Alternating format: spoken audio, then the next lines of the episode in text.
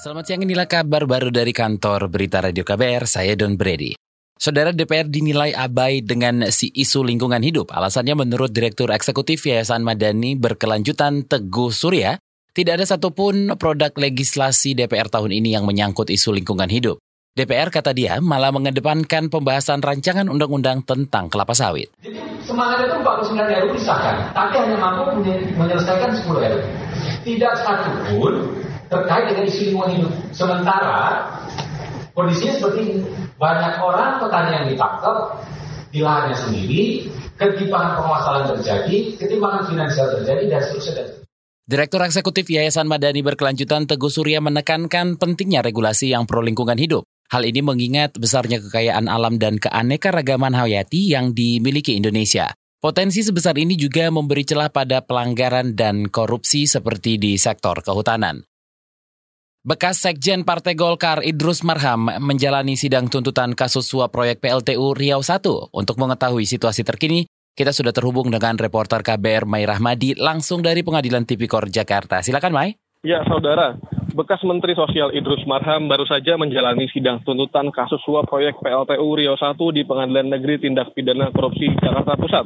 Dalam persidangan tadi, Jaksa Penuntut Umum dari Komisi Pemberantasan Korupsi menuntut Idrus mendapat hukuman lima tahun penjara dan denda sebesar 300 juta subsidiar 4 bulan kurungan. Jaksa menilai Idrus telah menerima suap sebesar 2,25 miliar dari pengusaha Johannes Budi Sutrisno Koco. Idrus menerima uang itu bersama bekas Wakil Ketua Komisi 7 DPR, Eni Maulana Saragih.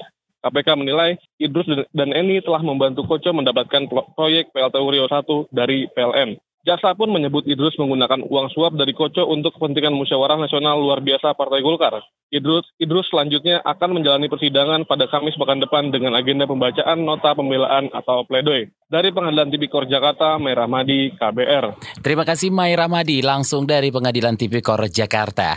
Dari berita olahraga, saudara penyerang naturalisasi timnas U23 Esra Walian untuk sementara belum bisa didaftarkan ke kualifikasi Piala Asia 2020. AFC selaku penyelenggara kompetisi beralasan Ezra pernah bermain bersama timnas U17 Belanda di, kualifikasi Piala Eropa.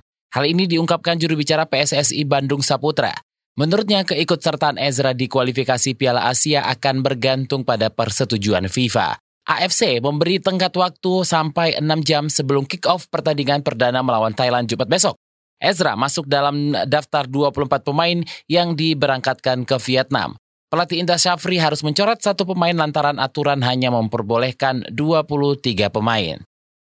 Dari berita mancanegara, Saudara Mahkamah Internasional di Den Haag, Belanda menjatuhkan hukuman seumur hidup pada bekas pemimpin Serbia Bosnia Radovan Karadzic. Vonis ini diperberat dari semula 40 tahun penjara karena terbukti menjadi dalang pembantaian di pembantaian Srebrenica di pada 1995. Dikutip dari CNN, Hakim Johansen menyebut hukum asal menyebut hukum awal Karadzic tak cukup untuk membalas perbuatannya.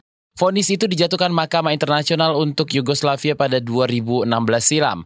Karadzic disebut bertanggung jawab karena memerintahkan pasukan Serbia membantai sekitar 7.000 pria dan anak lelaki muslim etnis Bosnia. Pembantaian di Srebrenica adalah yang terburuk di Eropa setelah Perang Dunia Kedua. Demikian kabar baru dari kantor Berita Radio KBR, saya Don Brady.